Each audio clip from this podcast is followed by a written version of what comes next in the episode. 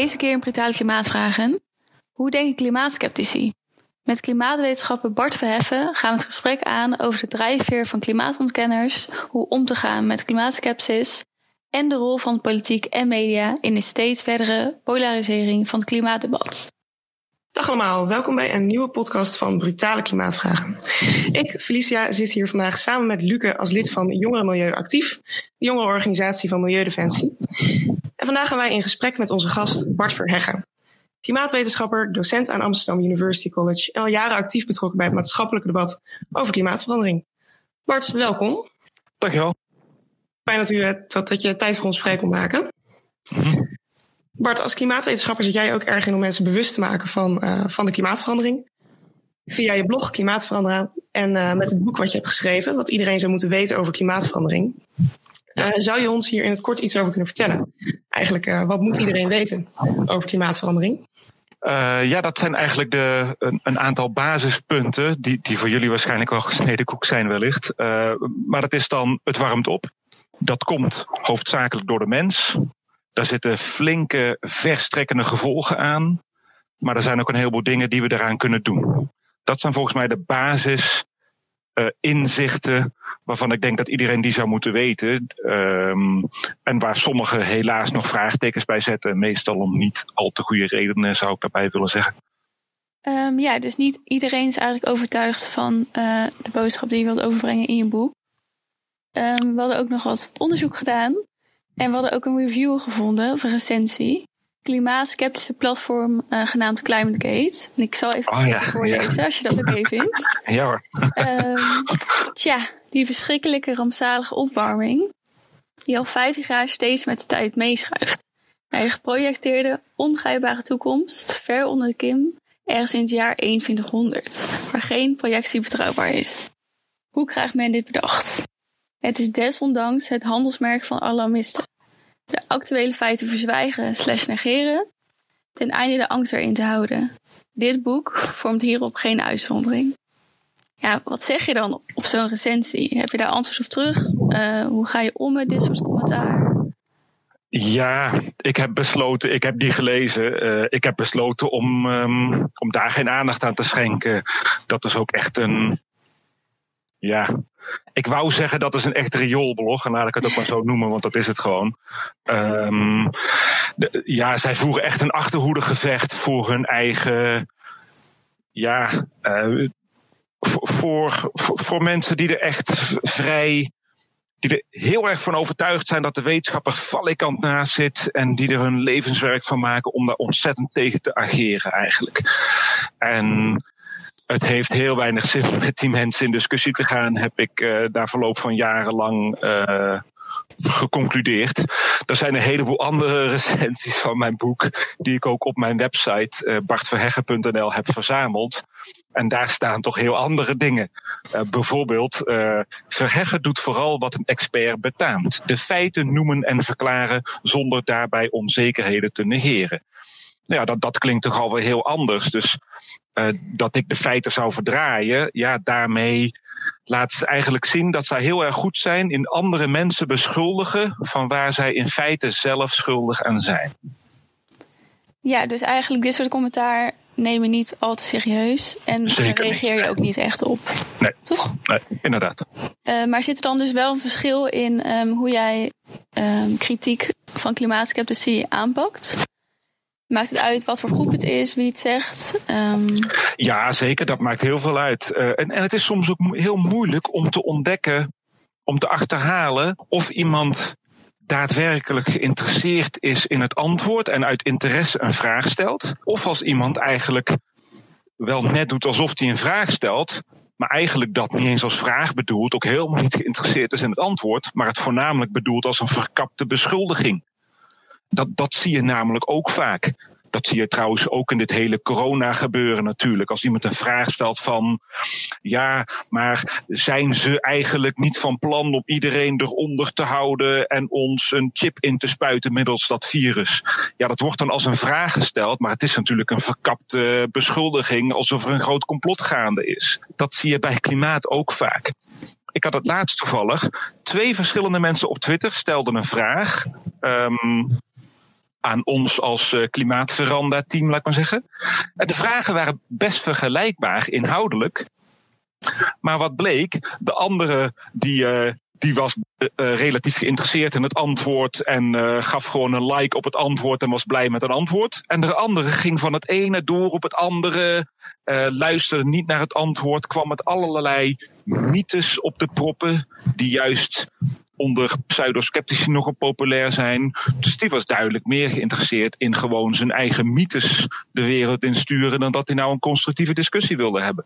Ja, ja zeker. En uh, dat is het moeilijk, hè? Van uh, wat is dan de drijfveer eigenlijk uh, van zo'n sceptici? Wil hij inderdaad antwoorden of wil hij vooral gewoon verwarring zaaien of, of, of vooral er tegenin gaan? En dit is eigenlijk precies waar wij het vandaag met jou over zouden willen hebben. Eigenlijk de brutale klimaatvraag die wij vandaag willen stellen, waar wij antwoord op proberen te krijgen is dan toch wel hoe denken klimaatskeptici en hoe kunnen we dan daarbij polarisering in het klimaatdebat uh, tegengaan. En het is in die zin wellicht een brutale vraag, aangezien het iets moeilijks is, ofwel onmogelijks om voor ons te beantwoorden vanuit onze positie als klimaatactivist. En elk individu uh, denkt natuurlijk anders. Maar over de, beweging, uh, over de beweging zelf valt wel wat te zeggen. Bart, wat denk jij dat een belangrijke drijfveer kan zijn voor velen om zo ontzettend kritisch te zijn op de wetenschap achter klimaatverandering? Um, ja, dat is een goede vraag. Voordat ik daarop inga, wil ik even op het, op het um, hè, hoe noem je die groep mensen? Want het woord sceptici, klimaatskeptici. Kijk, eigenlijk vind ik dat woord niet helemaal van toepassing op, op die groep. Uh, skepsis wil toch eigenlijk zeggen dat je eerst uh, voordat je een claim aanneemt, eerst goed alles gaat onderzoeken. Dat is helemaal niet wat die mensen doen. Dat is eigenlijk wat de wetenschap doet. Dus de wetenschap zou je kunnen omschrijven als georganiseerde skepsis. En mensen die wel te boek staan als klimaatskeptici, wat die in feite doen, is die wetenschappelijke inzichten uh, naast zich neerleggen en totaal akritisch alles maar aannemen wat daar tegenin zou gaan. Dus ze zijn absoluut niet sceptisch en ook zeker niet kritisch. Vandaar dat ik ze pseudosceptici noem. Ze doen net alsof ze sceptisch en kritisch zijn, maar dat zijn ze in feite helemaal niet. En dat geeft ook aan om dan meer naar je vraag te gaan. Waarom wijzen ze die wetenschap af? Ja, dat blijkt dan toch heel vaak te maken te hebben met een bepaalde politieke ideologie. Dat blijkt uit een heleboel onderzoeken die hierna gedaan zijn. Maar het blijkt ook als je met die mensen in gesprek gaat. Want vroeg of laat komt dan de aap uit de mouw. Ze hebben, je hebt het bijvoorbeeld met iemand over temperatuurmetingen op Groenland en dit en dat. En dan komt plotseling de aap uit de mouw dat iemand zegt van ja, en ik vind het belachelijk dat we zometeen geen aardappelen met een gehaktbal meer kunnen eten. En ik wil zelf wel kunnen uitmaken wat ik doe. Dus dan hoor je van, oh, dus het gaat die persoon helemaal niet om de wetenschap. Het gaat die persoon erom dat hij het gevoel heeft dat de overheid zijn leven controleert. En dat vindt hij heel onprettig. Dus het heeft veel meer te maken met een, met, met een ideologie, met een wereldbeeld, waardoor mensen die wetenschap afwijzen. Ja, dus eigenlijk zou ik kunnen zeggen, dus de grens tussen waardekritiek en dus um, pseudo-scepticisme, zoals je het noemt, is -hmm. ook eigenlijk dan de bewegingsredenen achter en de omgevingsfactoren bijvoorbeeld? Ja, het, de, de, de onvrede met die wetenschap heeft heel weinig met die wetenschap te maken, maar inderdaad met het met de voorgestelde beleidsoplossingen. En dan met name een al te sterke rol van de overheid. Daar zijn sommige mensen echt allergisch voor. En dan krijg je een probleem. Uh, en dat probleem, ja, dat vraagt in feite om een sterk sturende overheid om dat samen op te lossen. Ja, en dat stuit bij die mensen zo tegen een allergie dat ze dan uh, uh, toch maar in de ontkenning schieten in feite. Ja, ja. en uh, als het dan vooral uh, voor klimaatskeptici, pseudosceptici, eigenlijk de angst is uh, voor een overheid, een te veel ingrijpen van de overheid, een te grote invloed van de overheid, um, ja, dan is het toch een stukje het verliezen van vrijheid. Als dat een drijver is, um, hoe speelt dan eigenlijk corona op deze groep in? Want ik kan me toch voorstellen dat, dat dat ontzettend veel invloed aan moet hebben met de lockdowns en het beleid wat daarvoor wordt gevoerd. Hoe ervaart u dat? Ja, dat is een interessante vraag, want je ziet een heleboel overlappen in die dynamiek in die discussie. En je ziet ook een grote overlap in de mensen. Um, ik heb daar nog geen onderzoek naar gezien, maar je, je, je, het is niet moeilijk om te voorspellen, dat, dat zie je al in de discussie. Dat veel van die mensen die ontzettend tegen de coronamaatregelen ageren, dat dat dezelfde mensen zijn die ook tegen klimaatmaatregelen ageren. En in beide gevallen houden ze het niet alleen maar bij het ageren tegen die maatregelen. Want dat is natuurlijk prima. Iedereen kan een andere mening hebben over die maatregelen. En dat is helemaal prima. Iedereen mag vinden wat hij wil. Maar wat in beide gevallen die mensen gaan doen, vaak dus dezelfde mensen, is de wetenschap afwijzen. Dat merk je bij corona ook. Dat mensen die tegen die maatregelen zijn, dat ze dan allerlei onzin gaan spuien van het niveau van oh het is maar een griepje tot echt van uh, iemand gaat ons uh, chips inspuiten. Dus het gaat van het van dit klopt gewoon niet tot het totaal malotige. En datzelfde spectrum dat zie je bij pseudosceptici op het gebied van klimaat. En het zijn vaak dezelfde mensen. En dat is geen toeval, want de drijfveer nogmaals is inderdaad die politieke ideologie, die afkeer van de al te sturende overheid. Ja, wel, ja, natuurlijk heel interessant. En ook uh, interessant dat die groepen natuurlijk overlappen. En zoals je het uitlegt, is het eigenlijk ook best logisch. Um, en heb je ook het gevoel dat de media of de politiek uh, daar ook invloed op heeft? En uh, die groepen beïnvloedt? Ja, dat is een, dat is een lastige vraag. Um, de politiek. Ja, de politiek kan hier invloed op hebben. En, en volgens sommigen ik weet niet of ik het helemaal eens ben met die lezing, maar volgens sommigen is dit ook deels gekomen omdat partijen aan, aan linkerzijde van het politieke spectrum een beetje deden alsof van ja, dit is wat de wetenschap zegt, dan moeten we dus ook dit en dat gaan doen. Of, oftewel, die, die redeneerden soms een beetje te lineair dat de wetenschap zou voorschrijven wat we moeten doen. Ja, dat zie je eigenlijk bij corona ook natuurlijk een beetje, maar dat is daar misschien een iets andere situatie. Maar dan is het niet heel raar dat mensen die heel erg tegen die maatregelen zijn, als hun verteld wordt van ja, maar volgens de wetenschap moeten we dit doen, dat dan die mensen ook die wetenschap gaan aanvallen als reactie. En het is ook natuurlijk, als je het een beetje puristisch bekijkt, de wetenschap kan alleen maar aangeven wat wij hierover weten. En wat er zou gebeuren als we dit doen en wat er zou gebeuren als we dat doen. De wetenschap schrijft natuurlijk helemaal niet voor wat we zouden moeten doen. Dat, dat, dat is en blijft een politieke afweging. Ook bij corona, maar natuurlijk ook bij klimaat. Dus je moet denk ik oppassen als politiek en ook als activist trouwens, en ook als wetenschapper, dat je niet al te lineair zegt van ja, volgens de wetenschap moeten we dit doen. Want nee, de wetenschap kan helemaal niet zeggen wat we moeten doen. Dat, dat is niet aan de wetenschap. De wetenschap kan alleen maar zeggen wat die CO2-moleculen in de licht doen en wat dat betekent. En wat we dan zouden moeten doen, dat, dat, dat, dat is een waardeafweging. Dat is een afweging van belangen en waarden en normen, et cetera. Ja, dus u zegt eigenlijk het zijn uh, meerdere debatten die plaatsvinden. Uh, het is enerzijds ja. wetenschappelijk en anderzijds is er ook gewoon het politieke debat van hoe gaan we hiermee om. En dat dat een beetje in elkaar overloopt soms. En dat je daardoor die ontkenningsreactie ja. krijgt van, uh, Precies, dat is, heel, dat is heel mooi uitgedrukt inderdaad. En uh, daaraan aanpalend pleit ik er dus ook voor om die discussies dan ook juist goed te scheiden. Om te onderscheiden wanneer je het hebt over de wetenschap ja. en wanneer je het hebt over uh, maatregelen, beleidsvoering en meer die normatief afweging. En onderscheid die nou van elkaar. Dan blijft de discussie in beide gevallen uh, meer, puur op dat onderwerp gericht. Het vertroebelt niet. En je voorkomt ook dat mensen in de wetenschapsontkenning schieten, omdat het beleid er toevallig niet aan staat. Het schept meer ruimte om ook het oneens te kunnen zijn met de maatregelen, maar alsnog de wetenschap te, te, te accepteren. Ja, ik ben, het, ik ben daar zeker met u eens. Maar het is natuurlijk wel een moeilijke kwestie om in deze tijd die twee debatten eigenlijk, uh, ja, hoe zou je dat van elkaar kunnen scheiden? In deze tijd met sociale media, um, als het gaat om de wetenschap, uh, het is natuurlijk heel moeilijk om nu nog in deze tijd te weten wat is precies waar. Eigenlijk iedereen kan zijn eigen feiten publiceren. Iedereen kan uh, ja, de pseudosceptici ook op, uh, op YouTube of op andere platformen. Iedereen kan eigenlijk zijn eigen bronnen verkondigen en eigen waarheid maken. Um, is het eigenlijk wel mogelijk om in deze tijd die debatten van elkaar te scheiden? Ja, het, het, het wordt precies om de reden die je aangeeft wel heel erg moeilijk gemaakt, inderdaad. Omdat er zo'n zo'n kakofonie is van verschillende geluiden, waarbij het totaal uit elkaar loopt hoe geloofwaardig die verschillende geluiden zijn. En mensen blijken ook heel vatbaar te zijn voor dergelijke disinformatie. Dat, dat zie je nou ja, dat zie je ook in dit coronadebat. Dat zo'n groep als Viruswaarheid eh, toch best wel invloed blijkt te hebben op het publieke debat. Terwijl wat ze zeggen echt valikante onzin is. Ik bedoel, je mag van de maatregelen vinden wat je wilt. Maar als wetenschapper trek ik een scheidslijn van ja, als je valikante onzin spuit, daar moet gewoon geen plek voor zijn. Dat is gewoon. Ook, ook als je het over roken hebt.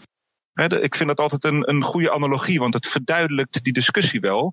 Een aantal jaar geleden was er vaak een, eh, was er echt een heftige discussie in Nederland over het rookverbod. En nu zijn we er allemaal aan gewend dat je in een restaurant niet mag roken. Ja, nu even niet, we kunnen even niet naar een restaurant, maar toch. Maar een aantal jaar geleden was dat een heftige discussie. In die discussie hoorde je eigenlijk nooit, ik heb het in ieder geval niet gehoord, hoorde je nooit iemand zeggen: ja, maar roken is ook helemaal toch niet gevaarlijk voor de gezondheid. Nee, iedereen accepteerde dat. Maar dan kon je het alsnog heel erg oneens zijn over de maatregel, het rookverbod. Dat is waar we naartoe terug moeten. Naar, dat voorbeeld waarin de wetenschappelijke inzichten gewoon geaccepteerd zijn in zoverre ze ook uh, uitgekristalliseerd zijn wetenschappelijk. En dan kun je alsnog het heel erg oneens zijn over de maatregelen. En nu zitten we in dit post-truth tijdperk in feite, waarin mede door internet het heel erg lastig is om, ja, om te kijken wat er nou klopt en niet. Um, nou ja, dat is natuurlijk een mooie vergelijking en een goed voorbeeld. Um, en hoe zie jij misschien precies de rol of verantwoordelijkheid van de uh, media daarin? Ja, ook wel in diezelfde lijn een beetje. Dat ik denk dat het vooral belangrijk is om dat ook als media, om dat onderscheid te maken tussen feiten en meningen. dus tussen de wetenschap en tussen discussie over uh, beleid en wat we zouden moeten doen. Dat onderscheid is heel belangrijk. En dat wordt in de media ook niet altijd genoeg gemaakt.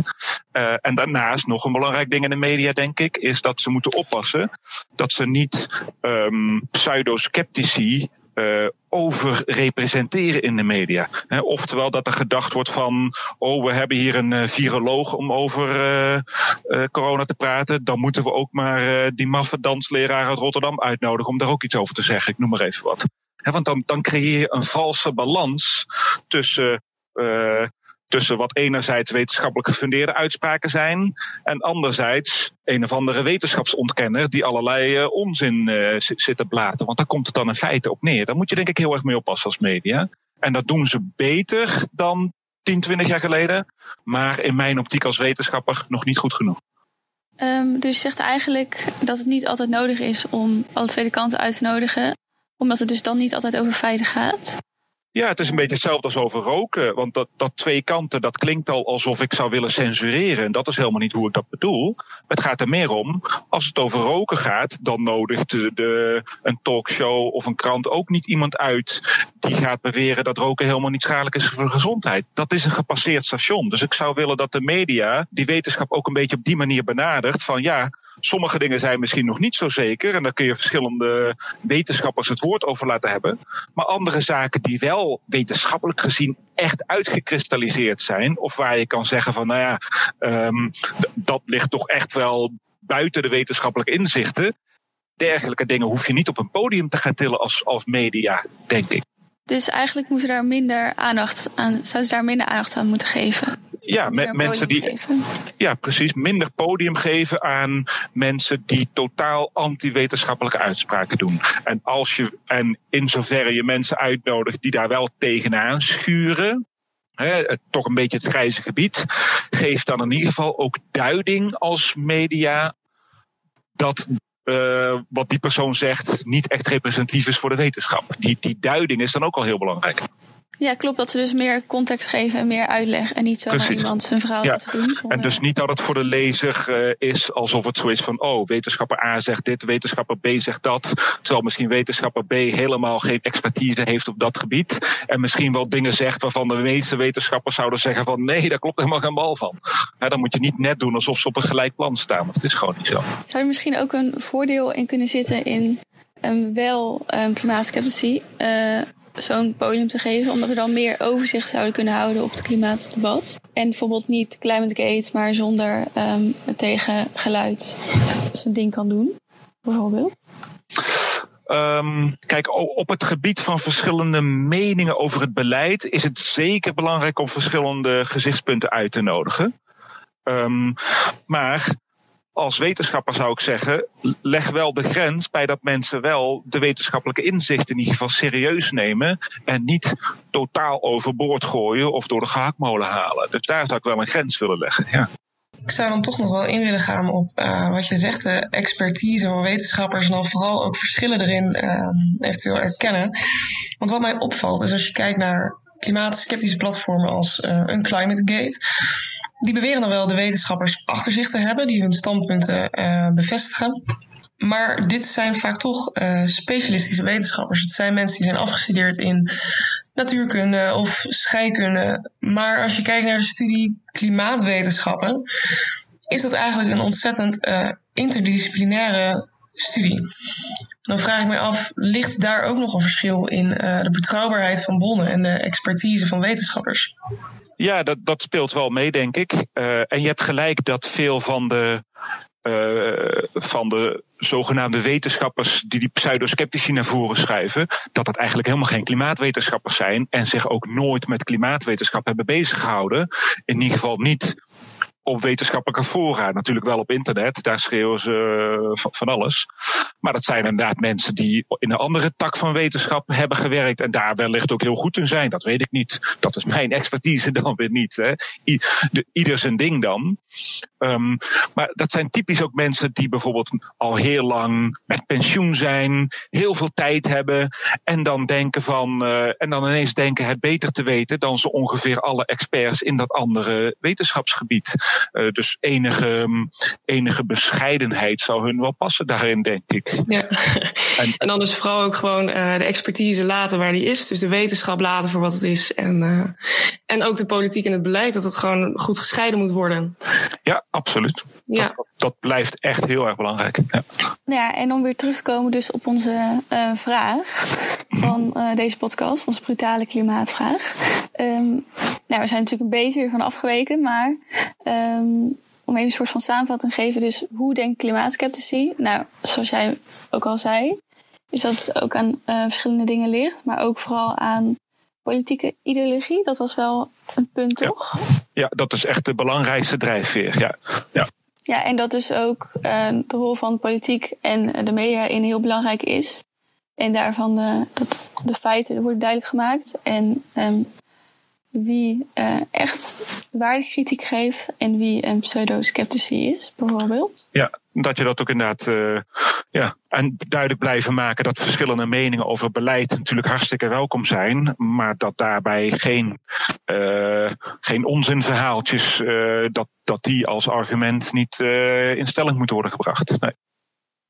Bedankt voor alle, uh, alle informatie. Ik denk dat wij echt uh, dat hier wel geleerd van kan worden. En ja, dat het inderdaad heel goed is om het helder, uh, helder te zien. Dat er gewoon een verschil zit tussen het politieke debat en de onvrede die daarin is, die dan invloed heeft op het klimaatdebat. Dat, ja, ja, inderdaad. Dank jullie ja, wel ook. Echt heel interessant. Echt heel erg bedankt voor dit gesprek. Ja, graag gedaan. Ik heb veel geleerd vandaag.